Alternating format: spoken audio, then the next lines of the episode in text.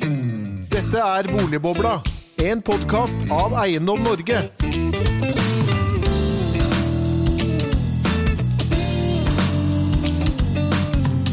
Da står jeg her med eh, sentralbanksjef Øystein Olsen. Hjertelig velkommen. Veldig hyggelig at du tok deg tid til å bli med oss her i dag. Takk for det, Thomas. Du, eh, du, kom, deg, du kom, deg, greit hit. Du gjør ikke som han eh, nye forvalteren din og kjører sånn sparkesykkel? Nei, nei, nei, det har jeg ikke prøvd ennå. nei, ikke jeg heller. Du, jeg må bare spørre, du skal straks holde et innlegg, men, men nå har det vært veldig mye spåing og prognostisering her fra de som har deltatt tidligere. Men jeg har lagt merke til dere har sluttet å spå og prognostisere, prognostisere rentebanen. Nei, det, det, har vi ikke sluttet. Vi, har, ja, vi publiserer stadig rentebonger. Ok, fordi, fordi jeg, jeg, spurte i går, så sa jeg nei, vi, noe, vi, får ikke den samme oppdateringen som uh... Dere får ikke. Vi, holder, har fi, vi, publiserer fire pengepolitiske rapporter inklusive rentebaner i året. Ja. Vi har en ganske fersk en fra ja, 18. mars, fra mars i år. Ja. Eh, mellom de møtene så er, jeg, da er vi tilbakeholdne tilbake. med å oppdatere de prognosene. Det er helt riktig. Ja. Så, så, så, litt mer tilbakeholdne. Er, er, det fordi det har vært mer kaotisk? Og... Nei, dette er et system som vi har hatt lenge. Vi er Som sentralbank så, så følger vi veldig godt med hele tiden. Men vi, med, mindre det, ikke, med mindre det skjer store ting da, som gir grunnlag for å komme med avvikende signaler om fremtidig rente, så holder vi oss til de faste stasjonene vi har. Eh, og så vet alle at når vi når Jeg kommer tilbake til dette. Ja. Når vi har publisert et rentebane, så er det aldri noe løfte. Det, alle økonomiske prognoser, herunder rentebane fra Norges Bank, er uh, usikre prognoser. Uh, som vi vil komme tilbake til. Neste gang så kommer vi tilbake til med ny rentebane i juni i år. Så lev i spenning. Med ny, ny usikkerhet i juni? Ja, Usikkerheten består. Det er samme som regjeringens gjenåpningsplan. Det er enten Vi skal åpne opp en eller annen gang. Eh, ja, altså, jeg syns altså, det er etterpåklokskapen rår om dagen. Som om det er mulig å uttale seg om helse. Nå snakker jeg ikke om oss, men om regjeringen. Ja. Med sikkerhet. Og det, usikkerheten var veldig stor i mars i fjor. Så jeg må si at eh, min vurdering av uh, regjeringens håndtering her, at den har vært eh, god. Herunder at de har vært tydelige på at vi vet ikke alt. Vi har ikke alle data. Vi vet ikke nøyaktig hvordan dette vil utvikle seg. Så jeg synes det er, eh, ja, sånn, er, sånn er medieverdenen, det vet du. Ja. Men, men, det er veldig mye etterpåklokskap om dagen. Det kan vi være enige om. Du, eh, nå gleder jeg meg til å høre eh, ditt innlegg, så da overlater jeg podiet til deg. Tusen takk. Takk for invitasjonen hit. Jeg skal presentere faktisk de siste økonomiske utsiktene vi Norges Bank kom med fra mars i år. Eh, de økonomiske utsiktene for norsk og internasjonal økonomi. Så det er, det er, det er mye kjent stoff her, men jeg ser på det som en nyttig oppdatering av ståa og, og hvordan bildet kan utvikle seg fremover. Strukturen på innledningen min er eh, som følger. Dette er hovedpunktene. Og jeg går egentlig rett videre til eh, første plansje, som viser ja, det vi alle opplever og vet, Nemlig at eh, det som traff oss i mars i fjor, det som traff verden, inklusive Norge, det har ført til den dypeste eh, nedgangen, tilbakeslaget, i norsk økonomi. Og det samme gjelder egentlig veldig mange andre land, siden iallfall eh, andre verdenskrig. Og dette illustreres i, i, figuren her, som viser at nedgangen Dette er kvartalstall, så års, årsnedgangen, årsfallet i BNP Fastlands-Norge i 2020 for Norge var i overkant av var rundt 3 Dette er kvartalstall og viser hvordan eh, økonomien nærmest stupte på vårparten i fjor, i andre kvartal og, og utover. Men så har gjeninnhentingen også vært ja, egentlig sterkere, for å være helt ærlig, enn det vi kanskje trodde mest på, og i hvert fall fryktet hvis vi går ett år tilbake. Så vi er på vei ut.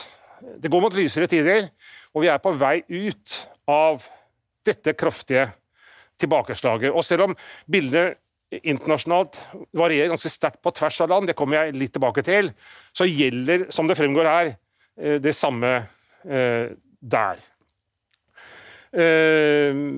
Så det, det, ligger an til en sterk gjeninnhenting i økonomien. Egentlig en sterkere oppgang for norsk økonomi i år, og, og tilsvarende med sterkere veksttall også for neste år, enn det fallet vi hadde i, i, og fikk i 2020. Og Det betyr at vi, hvis det går slik som vi nå så for oss i mars, da, så, vil, eh, så vil vi nærme oss en normalsituasjon, eller det nivået økonomien var på før pandemien traff oss i mars, mot slutten av dette året, eller ved inngangen til, eh, til neste år. Så, så, viser denne figuren også at uh, smitten har gått i bølger. Og Det som er veldig påfallende, la meg nevne det, det er at det, våre anslag for den økonomiske utviklingen fremover, og det samme gjelder alle andre prognoser som produseres, ja, de er helt preget av helseutsiktene og av utsiktene for hvordan det går med smitten, og, og vaksinemulighetene spesielt. Så smitten har jo gått i bølger. Og, og, Da kan vi først legge merke til at den, den stype nedgangen kom i kjølvannet av, av, den første bølgen.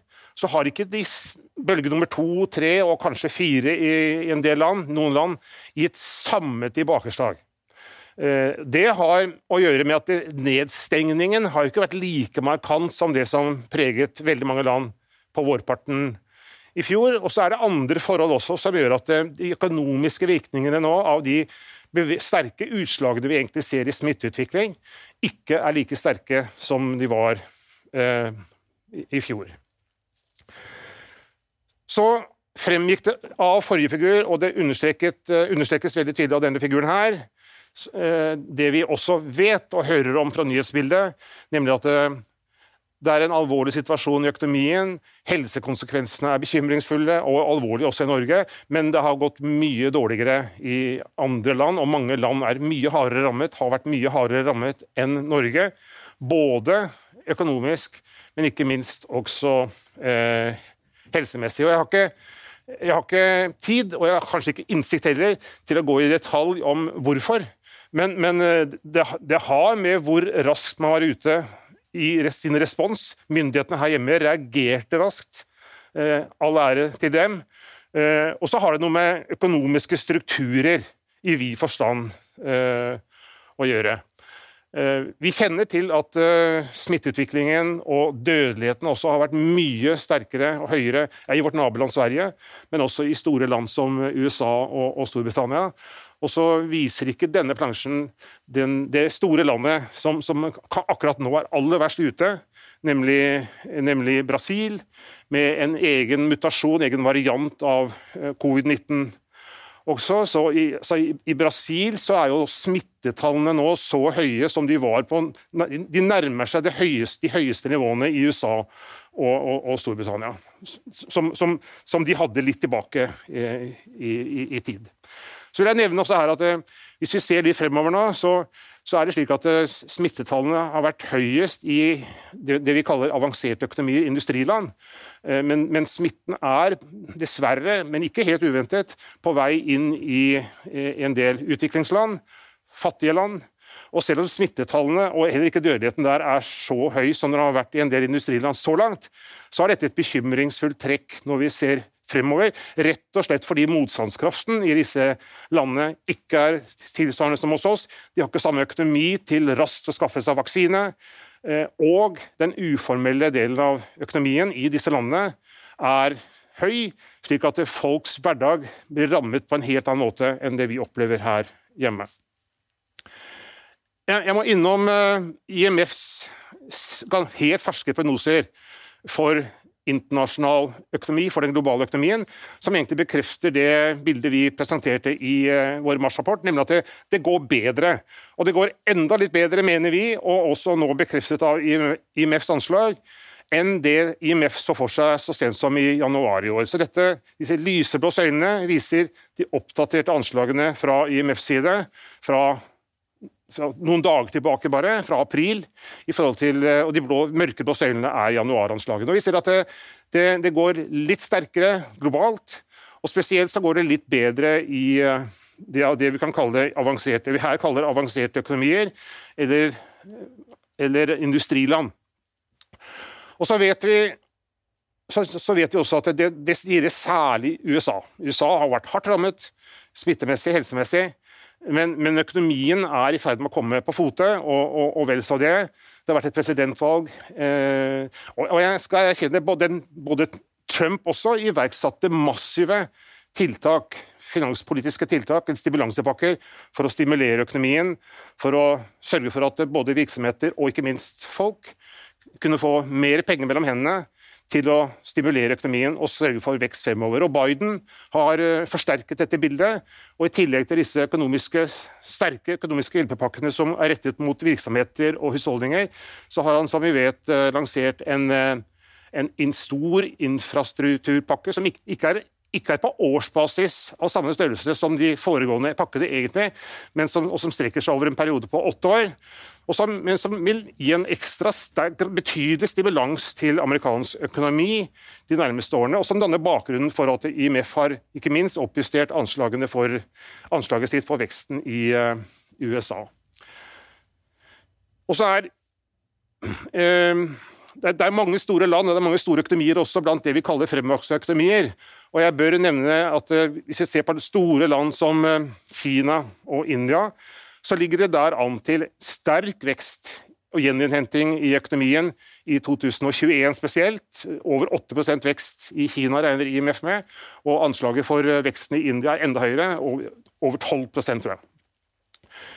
Så må jeg vende litt tilbake til eh, smittesituasjonen. For som jeg sa, så er det, det er dette bildet som eh, i vesentlig grad preger eh, anslagene våre og alle andre prognoser eh, når vi ser fremover. Og, det har gått i bølger, som vi allerede har nevnt, og som vi alle vet. Og, det er fortsatt en alvorlig smittesituasjon.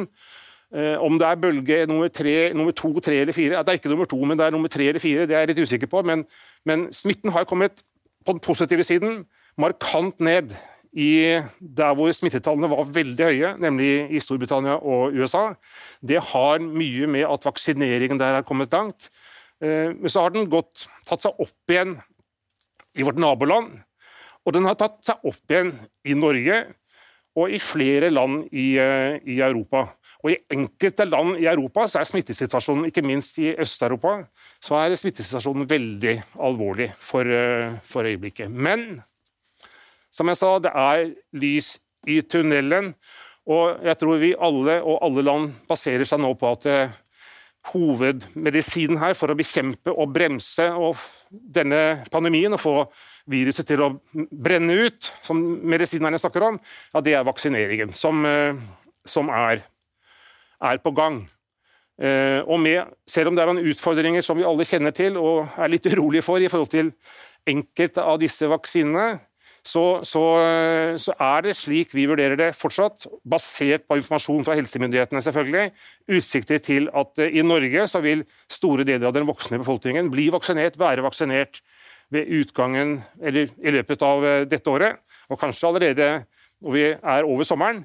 Eh, og det er bakgrunnen for at vi legger til grunn at det vil skje et oppsving, og til dels ganske kraftig oppsving i norsk økonomi når vi ser fremover ut dette året og, og inn i de neste, eh, neste, årene. Og Før jeg kommer tilbake til eh, det, så vil jeg bare få frem et, et veldig viktig poeng som allerede er nevnt i det panelet som jeg lyttet til tidligere her, det, og som vi alle vet, nemlig at det, altså, ingen kriser er jo like.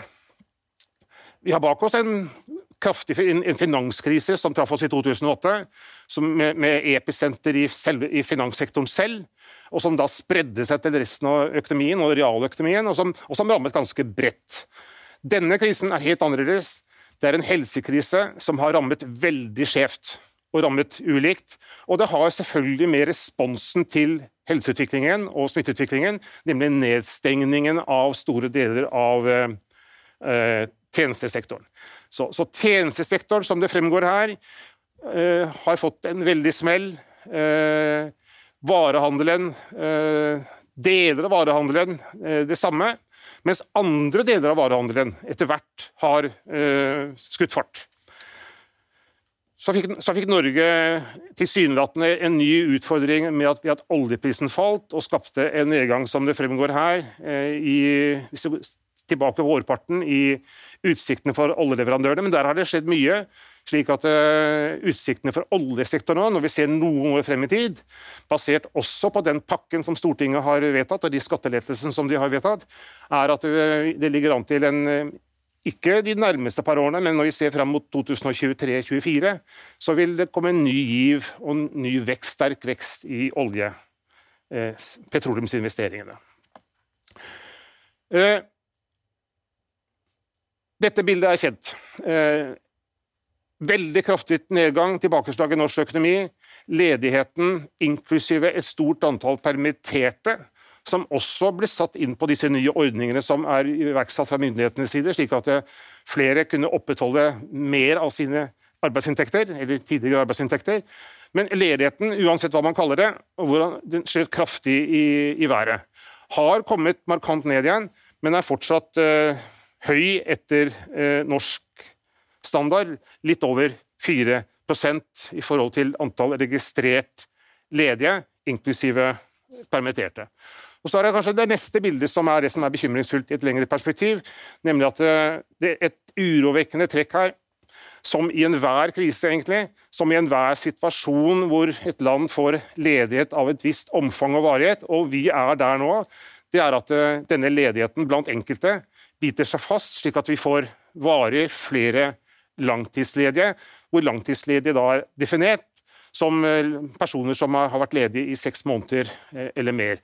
Og, På toppen av det, gitt denne krisen og dette tilbakeslaget, som da har rammet spesielt tjenestesektoren, uteliv, reiseliv, restauranter, hoteller osv., med et stort antall arbeidere, medarbeidere, folk som, som uten nødvendigvis særlig utdanning, eller høy utdanning i hvert fall, og en betydelig andel unge mennesker. Bekymringen er at akkurat den gruppen, selv om krisen går over, dette brenner ut, dette går over, mye aktivitet kommer tilbake Hvis denne gruppen har vært ledige lenge, så vil de kunne få problemer med å komme tilbake. Selv om mest, mange av jobbene kommer tilbake, så kommer kanskje ikke alle jobbene tilbake. Eh, det er stadig omstillinger på gang. Det vil være en ny omstilling som følge av i kjølvannet av pandemien. Og, og, den høye langtidsledigheten, særlig blant unge med lav utdanning, er en bekymring som det er verdt å reflektere på og prøve å møte med tiltak. Så et annet stort skift da, i, som følge av pandemien. Og igjen så har det noe med at det har sammenheng med at pandemien rammet veldig ulikt. Eh, den ga seg helt spesielle utslag. Eh, våre liv ble jo satt på vent på mange måter. Eh, det ble gjennomført tiltak eller Vi ble jo tvunget til å spare. Vi ble forhindret fra å reise. Vi ble forhindret fra å gå ut etter hvert og spise. Eh, så det skjedde et kraftig fall i forbruket i løpet av ja, Særlig på vårparten, de første par kvartalene, kvartal to og tre. Men, men, men, i sum for året så skjedde det et kraftig fall i forbruket, private forbruket, som er vist på denne eh, figuren. Men så, har, så er det utsikter til gjenåpning. Det har gått bedre i norsk økonomi, og forbruket er i ferd med å komme ganske markant tilbake igjen. Med en, en vekst i de private forbruket, ifølge våre anslag, på over 4 eh, i inneværende år. Og, og hvis det går slik vi ser for oss, så vil vi få en, en, en, eh, om ikke historisk høy forbruksvekst, så en veldig høy forbruksvekst neste år, altså i 2022, etter norsk standard, eh, på over 8% Så det, dette skiftet i forbruk og spareatferd har, har, vært en veldig markant del av dette, eh, denne, denne, krisen og av responsen hos husholdningene. Vi at, men vi ser at når vi ser fremover, så vi, legger vi til grunn at forbruket kommer tilbake. Motstykket til det er at det vi kaller spareraten, eh, altså sparingen som andel av disponibel inntekt, som da skjøt i været da forbruket falt, eh, kommer tilbake mm, ja, og egentlig nærmer seg et normalt nivå når vi ser litt ut i prognoseperioden. Og så har jeg lyttet til eh, ekspertenes vurderinger av boligmarkedet. Og, og, og, og jeg kjente meg veldig igjen i forhold til, eh, i, i, både i forhold til det Kari spesielt og, Erling sa, nemlig altså vi registrerer den høye boligprisveksten. Eh, boligmarkedet er en viktig del av norsk økonomi, så Norges Bank følger veldig godt med på dette. Og vi legger vekt på dette også når vi setter renten. Og vi er klar over, vi var klar over, og vi er klar over at vedvarende lav rente, eller lav rente ja, det virker skarpt på å stimulere etterspørselen etter lån, og gjennom ulike mekanismer stimulerer boligprisvekst. Det var litt av hensikten i starten. Og så har boligprisveksten ja, vært klart sterkere enn det vi har lagt til grunn ved ulike stasjoner. Og, og vi, vi, fulgte også med på den siste observasjonen i boligmarkedet som vi fikk eh, marstallet, som også var litt i overkant av vårt anslag, men ikke så veldig mye, faktisk. Fremover så legger vi til grunn at uh, boligprisveksten vil bli, bli klart dempet. Det skyldes at de faktorene som har drevet den sterke boligprisveksten, som vi mener å kunne forklare ganske godt, nemlig lave boliglånsrenter, et skift i forbruk i retning av mer oppmerksomhet om hjemmet, eh, og følgelig også økt etterspørsel etter bolig og boligareal, og lenge et begrenset boligtilbud i sentrale strøk, at alle de faktorene vil være i endring. Renten er nå varslet å komme litt raskere opp enn, vi tidligere har annonsert. Det kommer jeg litt tilbake til. og som dere vet, eh, Dette skiftet i forbruk det er, det Så lenge pandemien brenner ut, så er det en engangshendelse som ikke gjentar seg. Og så er boligbyggingen på vei opp. Vi regner med at en ganske god vekst i boliginvesteringene eh, fremover. Og, og akkurat nå så observerer vi, i likhet med ekspertene her, at eh, ja, det er, det er, høy omsetning og høy aktivitet i boligmarkedet, men det legges også ut et betydelig antall boliger til salg. Så også i forhold til utviklingen ut i, dette året, så ser vi for oss at vi, vil se, vi, tror mest på en dempet boligprisutvikling allerede i andre halvår i år. Så det, det er igjen Utslagene i boligmarkedet henger en god del sammen med det skiftet i atferd eh, som jeg nevnte også i, da jeg beskrev utviklingen i forbruk og sparing.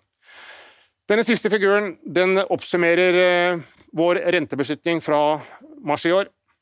Eh, den eh, viser flere ting. Renten ble holdt på null og vil ligge der slik vi nå har varslet, noen, en, en stund fremover. Men renteoppgangen og en første renteøkning er fremskyndet i forhold til vår desemberprognose i fjor, til en gang, som vi nå har varslet, i løpet av andre halvår i år, så vil rentene bli satt opp slik vi nå ser det som mest sannsynlig. Ikke noe løfte, men dette er vår mest sannsynlige prognose for renteutviklingen. Og så så ytrer altså denne komiteen, som nå i Komiteen for pengepolitikk og finansiell stabilitet, som er det organet i banken som nå setter renten, den har en uttalelse som sier at når det er klare tegn til at forholdene i økonomien normaliseres, og det er det bildet vi ser for oss, som jeg har kort beskrevet, ja, så vil det være riktig å heve styringsrenten gradvis fra dagens nivå og, og mot et uh, mer normalt nivå. En første renteøkning altså i andre halvår i år, slik vi nå ser for oss, et, et par renteøkninger til i løpet av 2022. Og vi ender med en styringsrente i intervallet 1,25 til 1,5% Nærmere et normalt rentenivå, i hvert fall. Da takker jeg for oppmerksomheten, og takker for meg. Eh, takk skal du ha, Øystein Olsen. Det var veldig spennende, spennende å høre deg. Eh, siden dette er en boligkonferanse, så må vi jo begynne med bolig. og i og for seg var det også du, du avsluttet med. Eh, Erling Rød Larsen har jo kalt renten atomknappen i, i, boligmarkedet. Det er kanskje ikke en metafor du, du, du, kjenner deg igjen i, men er du vært overrasket over det vi har sett i, i, boligmarkedet hva skal du si, siden, siden nullrentebeslutningen da, i, i mai? Altså, jeg, jeg, vi, bruker, vi, bruker, jo ikke den type kraftuttrykk. men, men altså, vi er veldig klar over, som jeg sa, at uh, renten virker skarpt på låneopptak og boligpriser. Og vi kan, har, kan, kan, kan tallfeste dette, men med, med, med usikkerhet. Så vi, så vi, vi, vi, mener å kunne forklare og Vi forstår og vi forklarer den, den prisutviklingen i boligmarkedet som nå har funnet sted, drevet ikke minst fra etterspørselssiden av, av veldig lave boligrenter. Eh, men, men, også påvirket av, de andre, av det skiftet i forbruksmønster og i atferd som jeg nevnte. Eh, og så har vi disse begrensningene på tilbudssiden et begrenset tilbud av eh, boliger, eh, særlig i Oslo og i, i sentrale strøk. Og dette, altså, dette er hoveddrivkraftene som vi kan I ettertid så vi, er vi veldig gode på å forklare boligprisutvikling. Og så er vi ganske, så er vi ganske, ganske bra i forkant også. Mm. Men hva, hva, er liksom for sterkt? Når begynner du å bli urolig for, for boligprisutviklingen? Vi, vi, ser nå 12,5 på tolvmånedersveksten i, i Norge nasjonalt. Rundt 15 på, på Østlandet. har du liksom 20, 2016 frist i minne? Ja. Ja da. Er, altså, som sentralbank, og, og, og, som en sentralbank som, som, som har som oppgave å sørge for finansiell stabilitet, eller bidra til finansiell stabilitet, overvåke dette. Og, og har, Som sentralbank så, så, har vi også vært tydelige på at dette er et hensyn som vi ikke kan se bort fra heller i rentesettingen. Mm. Det, egentlig, det, er en kommunikasjon og et syn som vi har utviklet lenge, mm. og som nå for øvrig også er en del av vårt, del av vårt mandat som vi har fått fra departementet. Mm. Så, så, så, er det slik at hvis, hvis boligprisveksten fortsetter å bli det vi mener blir sterk, og, og drar med seg, og det vil gjerne skje, en, en enda sterkere utvikling og vekst i husholdninger, i, i, altså gjeldsvekst i husholdningene, ja, så er det forhold som vil kunne påvirke rentesettingen. Det påvirker alltid rentesettingen. Uh, og så bruker vi ikke ordet bekymring heller i tide å utvide. Men, men, men, jeg kan gå og si ja, vi vil kunne bli bekymret hvis boligprisveksten blir uh, det vi mener er for sterk. Så det du sier er at dere, dere tar mer hensyn til bolig uh, jevnt over nå? Vi, vi, vi, følger godt med på boligprisutviklingen, og boligmarkedet og boligprisutvikling, og særlig en situasjon hvor renten er null, er noe vi legger vekt på, ja. Dere fikk jo en, ny sentralbanklov eh, i juni 2019, eller trådte i kraft, da. Eh, eh, hvor det var en ny formålsparagraf. Eh, vi i Eiendom Norge vi fulgte jo eh, den prosessen her, og sendte jo også inn vårt høringssvar til, da den var ute på høring fra Finansdepartementet. Eh, har, har den formålsparagrafen endret noe i rentesettingen, sånn formelt sett? eller? Skjønnet er vel kanskje utvidet? Det blir feil å si veldig bastant nei på det. Men, men, men, men eh, fordi rent, altså, rentesetting og kommunikasjon og vurdere avveininger er alltid i utvikling. Vi søker å lære av både nåtid og, og, og erfaringer. Men, men, samtidig så vil jeg si at det, eh, da vi fikk det nye mandatet mm. for pengepolitikken, så var vi veldig fornøyd med det. Og det ga vi også veldig klart uttrykk for. Og, og vi vi, vi, vi, mener jo selv at, det, at, deler av det notatet, herunder eh, at, at, vi, at, vi, ikke bare skal vurdere prisutsikter, vi skal avveie hensyn til produksjon og sysselsetting, men også finansiell stabilitet. Det var en, også en Mandatet reflekterer den kommunikasjonen som Norges Bank har utviklet internt over tid. Mm. Slik, eh, vi, vi, vi, følte at det var riktig å komme med den vurderingen. Mm. Eh, vi har jo Eiendom Norge vi har gitt oss merke nå at i februar så, så mm, påla da den newzealandske regjeringen, den newzealandske statsbanken, å også formelt styre etter boligprisene. Eh, og New Zealand var jo det første som var ute med inflasjonsmålet i, i pengepolitikken. Er dette noe som kan komme i andre deler av verden også, tror du? Altså, vi, vi, forholder oss alltid til, et, til det mandatet vi, vi har. Og, og, vårt mandat eh, fremhever ikke spesielt én eh, en bestemt del av økonomien. Eh, selv om boligmarkedet er en viktig del av økonomien, som alltid er en del av en total, eh, total av, avveining. Eh, jeg, vil, jeg, vil, si at eh, min, min, og vår vurdering er at det mandatet vi har nå, er veldig hensiktsmessig. Mm. skulle det være bli supplert med føringer hvor vi, hvor vi får enda flere målvariabler, så å si, mm. som vi skal uh, søke å ivareta spesifikt og vurderes etter. Uh, så For det første så går det ut, det kan gå ut over helheten, over de totale avveiningene. Hvis det blir for mange ja. operative mål? Ja. ja. Og for det andre, og akkurat nå så er det veldig fokus på boligmarkedet. Jeg vil bare minne om at det er ikke så veldig mange år siden det var med rette veldig oppmerksomhet på en annen, kall det asset price, nemlig valutakursen. Mm. Eh, eh, hva slags frihet en, en, en, sentralbank, en liten åpen økonomi, har til å sette renten i, som avviker vesentlig fra utlandet, det er, et, eh, ja, det er et klassisk spørsmål innenfor økonomisk teori. Teorien sier at friheten ikke er så stor. Eh, så hensynet til valutakursen er også veldig viktig alt, mye er viktig innenfor en helhet.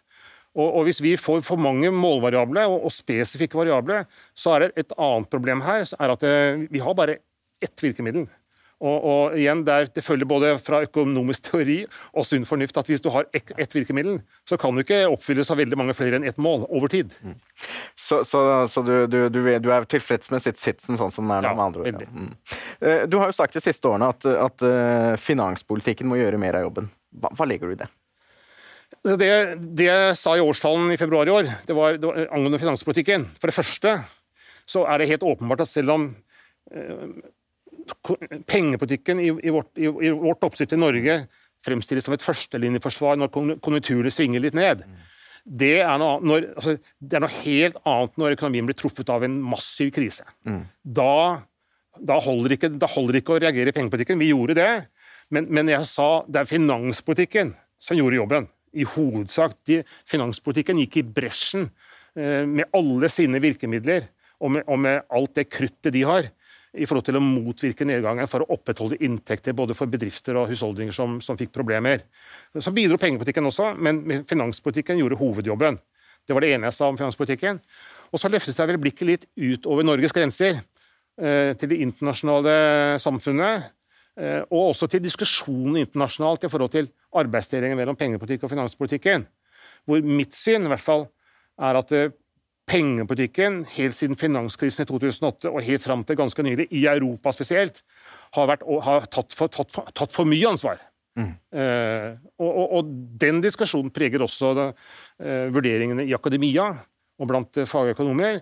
Og, og pendelen er i ferd med å svinge, ser jeg, og mener jeg, litt i retning av at, eh, at eh, pengepolitikken har vært overbelastet, og den bør ikke være overbelastet. Og Det kan ikke påta seg altfor stort ansvar. Litt tilbake til det jeg sa generelt om eh, pengepolitikken her hjemme.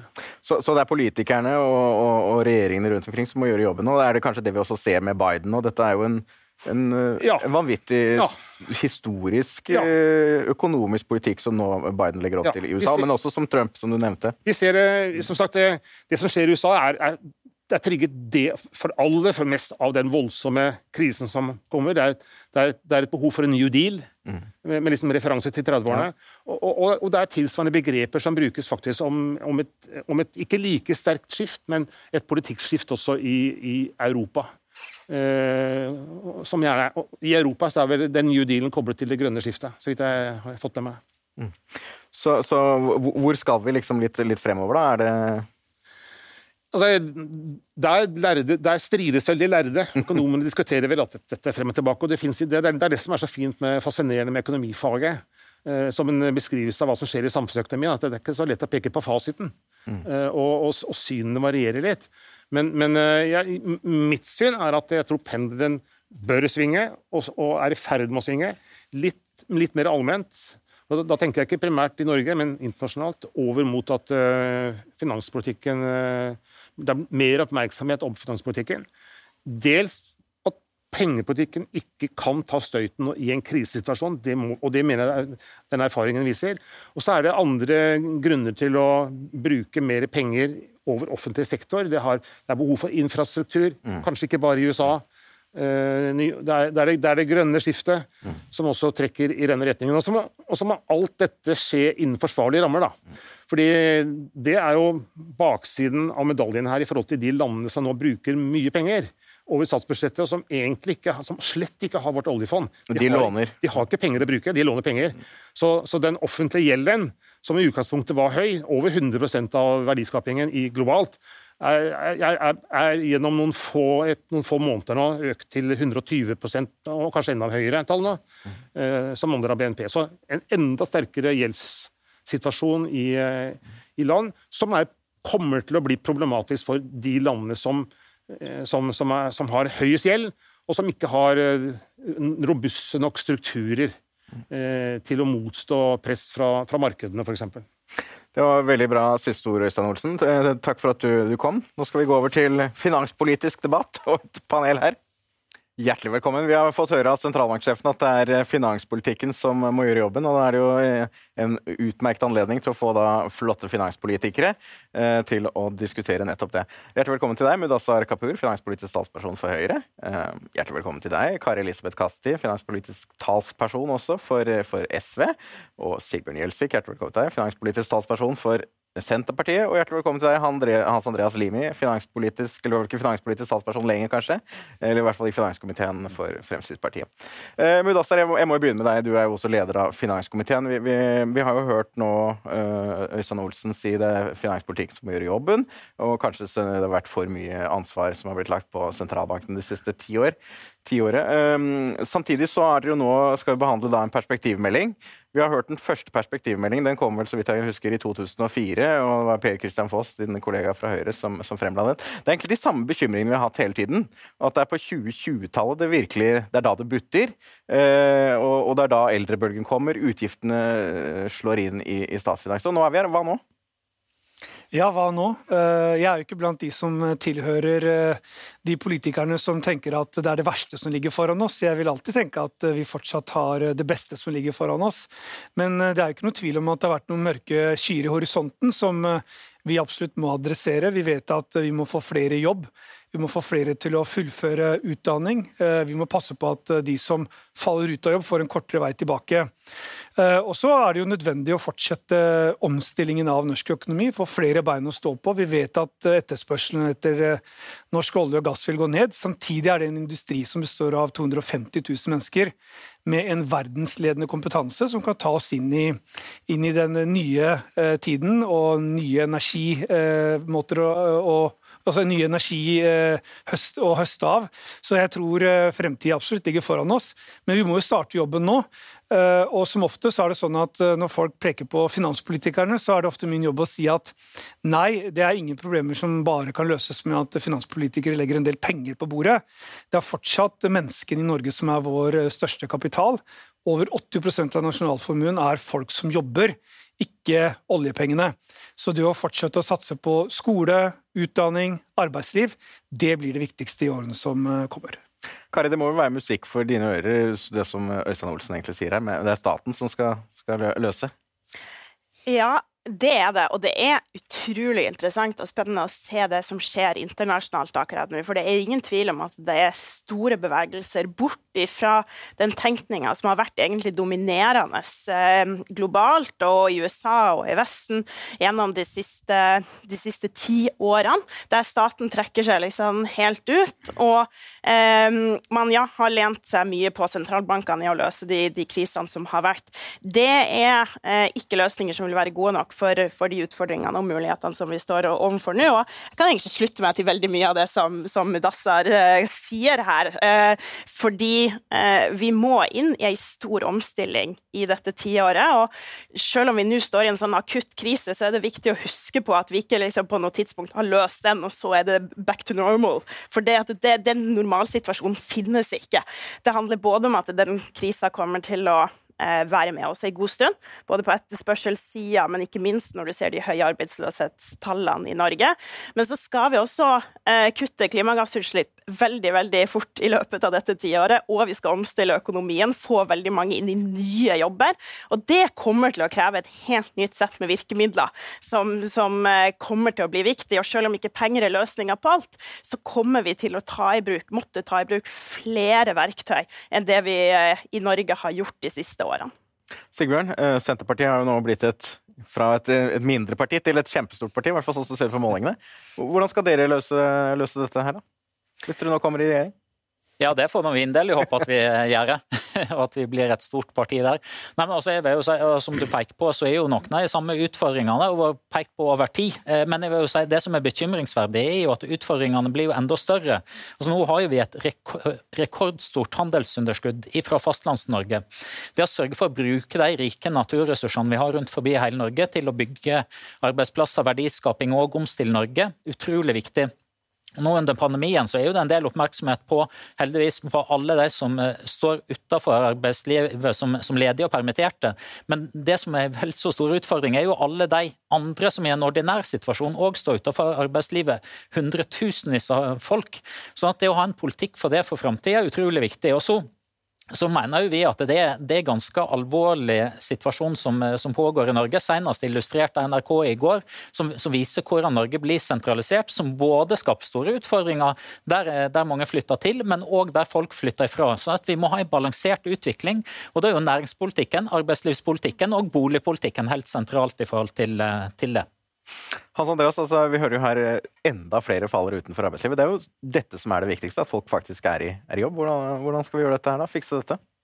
Ja, Det er uh, hovedutfordringen vår, at vi har altfor mange som står på utsiden av det ordinære arbeidslivet. Uh, og Der er vi helt på topp, i, i hvert fall i OECD-sammenheng. Eh, og Det betyr at vi, vi kan øke handlingsrommet i budsjettene fremover hvis vi får flere over i, i arbeid. Eh, og så er det noen grupper spesielt da, som har en veldig veldig lav uh, sysselsettingsgrad. Uh, det er litt for mange i Norge som er avhengig av offentlige ytelser. Og Vi ser også at vi har et uh, veldig høyt offentlig forbruk i forhold til den totale verdiskapningen. Vi ligger på 60% Nå under pandemien så har vi gått opp til 66% og det må vi gjøre noe med. Uh, for det er klart at Den utviklingen kan ikke bare uten videre uh, fortsette. Og vi vet at Skal vi få spesielt da ungdom til å bli aktive bidragsytere og være i jobb, så må vi se på utdanningssystemet. Eh, og Det er gjort en del positive grep nå når det gjelder yrkesutdanning. Men vi vet samtidig at i de neste 20 årene, så trenger vi altså 100 000 flere fagarbeidere. Og de bør fortrinnsvis, etter vår oppfatning, være norske. Eh, og Da må vi altså tilrettelegge for det. Vi må utvide kapasiteten på yrkesfaglig utdanning. Vi må tilføre det som er nødvendig av undervisningsmateriell, og utstyr, eh, til eh, yrkesfagutdanningen. Og vi må sørge for at frafallet fra de studieretningene blir vesentlig mindre. For det er, en, det er, en, viktig satsing for å unngå at så mange unge mennesker da havner på en eller annen helserelatert ytelse. Det er altfor mange unge i dag som ender opp med å bli uføre uten at de i det hele tatt har vært ute i arbeidslivet. Så det, det er noen utfordringer i perspektivmeldingen eh, som vi må finne gode løsninger på. Men så vil jeg også legge til at Fremskrittspartiet er optimistiske på Norges vegne. Altså, Vi har alle muligheter. Vi har en bunnsolid økonomi. Vi har et uh, oljefond på 11 000 milliarder. Altså, vi har høy uh, kompetanse og vi har høykompetent arbeidskraft. Så, så, vi har alle muligheter for å lykkes fremover, men vi må ta noen grep for å korrigere det som er de negative sidene med det, eh, den velferdsstaten vi har eh, utviklet. Men Lassar, eh, altså, du er jo da posisjonen her nå, i hvert fall, eh, eh for en regjering som da siden 2013 har økt statens andel av BNP. Er det liksom noe en borgerlig regjering skulle være vedkjenne seg? Husk at uh, da vi uh, kom inn i regjeringskontorene i 2013, så var det et stort uh, etterslep på f.eks. bygging og vedlikehold av norske veistrekninger, som er helt avgjørende for norsk eksportindustri for å få varene raskt ut og trygt frem. Det samme var det på forsvarssiden. Det var behov for å gjøre noen skikkelige satsinger på Forsvaret, bygge opp politiet. Eh, det gjør jo at vi selvfølgelig har måttet bruke mer eh, penger eh, av det offentlige for å ruste Norge for å møte fremtiden, for å ruste Norge for å gå gjennom den nødvendige omstillingen. Så er jeg helt enig med deg i at det må jo være et mål om at vi, veksten først og fremst kommer i det private. Og For å bygge det over til det vi snakker om i dag, da, altså det vi står i nå Vi vet at mange er arbeidsledige nå. Ni av ti av de som er permittert, er eh, permittert fra privat næringsliv. Derfor må vi ha en politikk nå fremover med et lavt trykk på skatter og avgifter, Eh, lavt eh, trykk på offentlig byråkrati som er i veien for privat næringsliv, slik at veksten først og fremst kommer i det private, og ikke det offentlige. Det er ikke staten som skal ta Norge ut gjennom krisen, det er folket, og det er de som starter bedrifter og skaper verdier. Så der, der er det jo en ganske stor forskjell mellom det vi mener er veien ut av dette, og det kanskje andre partier gjør, når de peker i stor grad på, på staten. Men samtidig med perspektivmelding så er også din regjering da, og din partikollega Jon Gunnar Pedersen lagt frem et utvalg Norge 2025. Altså, han går jo i bresjen. Vi må ha et, en, eh, enda en skattereform eller en gjennomgang av skattesystemet. Og det må være empirisk belagt. Hvorfor det? Altså, eh, nå er det jo eh, han som i så fall må begrunne hvorfor eh, han, mener det, han, mener det, utvalget har skrevet. Men, men, jeg har ikke noe problem med å slutte meg til at det bør være en debatt om norsk skatte- og avgiftspolitikk med jevne mellomrom. Husk at uh, politiske partier må jo ta, uh, forholde seg til den gjeldende skatte- og avgiftspolitikken minst hvert fjerde år, for i det minste ta en gjennomgang av sin egen skatte- og avgiftspolitikk.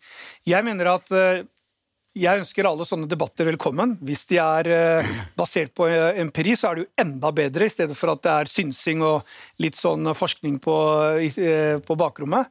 Men jeg tror det viktigste er jo hva som blir utfallet av sånne runder. Jeg mener at utfallet av slike runder fortsatt bør være at avgift og skattenivå i Norge må fortsette nedover, slik at vi legger til rette for å skape mer næringsliv, flere norske arbeidsplasser, få skatten på arbeidende kapital ned, slik at eh, norske eiere ikke taper konkurranse med utenlandske eiere. Bra med det skattedebatt, og vi skal alltid jobbe for at den munner ut i at de må fortsette nedover. Men, men, Kari, altså, du var gjest i vår podkast eh, tidligere, og da, da, sa du etter politikerne eh, som har vært borti skattesystemet, så er det alt annet enn nøytralt. Hvorfor kan vi ikke gå empirisk til verks? Fjerne dokumentavgiften, f.eks. Flytteskatten, som vi i Eiendom Norge kjemper mot her nå? Ja, men jeg, som alle fagøkonomer er imot. Ja, men jeg, jeg, mener at det er behov for eh, en ny skattereform, eh, og at vi må legge om skattesystemet i Norge. Og det er litt sånn lammende egentlig for debatten om skatt i Norge at vi alltid kommer til Det blir en diskusjon om nivå. Fordi Det vil det selvfølgelig være ulike svar på mellom de ulike politiske partiene, alt dette hvilken akse du står på. Og det vil være avhengig av den politiske og økonomiske situasjonen som landet står i. Så la oss liksom klare å sette nivået til side for en, en liten stund, og kanskje også arbeidende kapital og den diskusjonen der, og diskutere skattegrunnlag. Hvordan kan vi få et mest mulig effektivt skattesystem som stimulerer til det vi kommer til å trenge i årene fremover?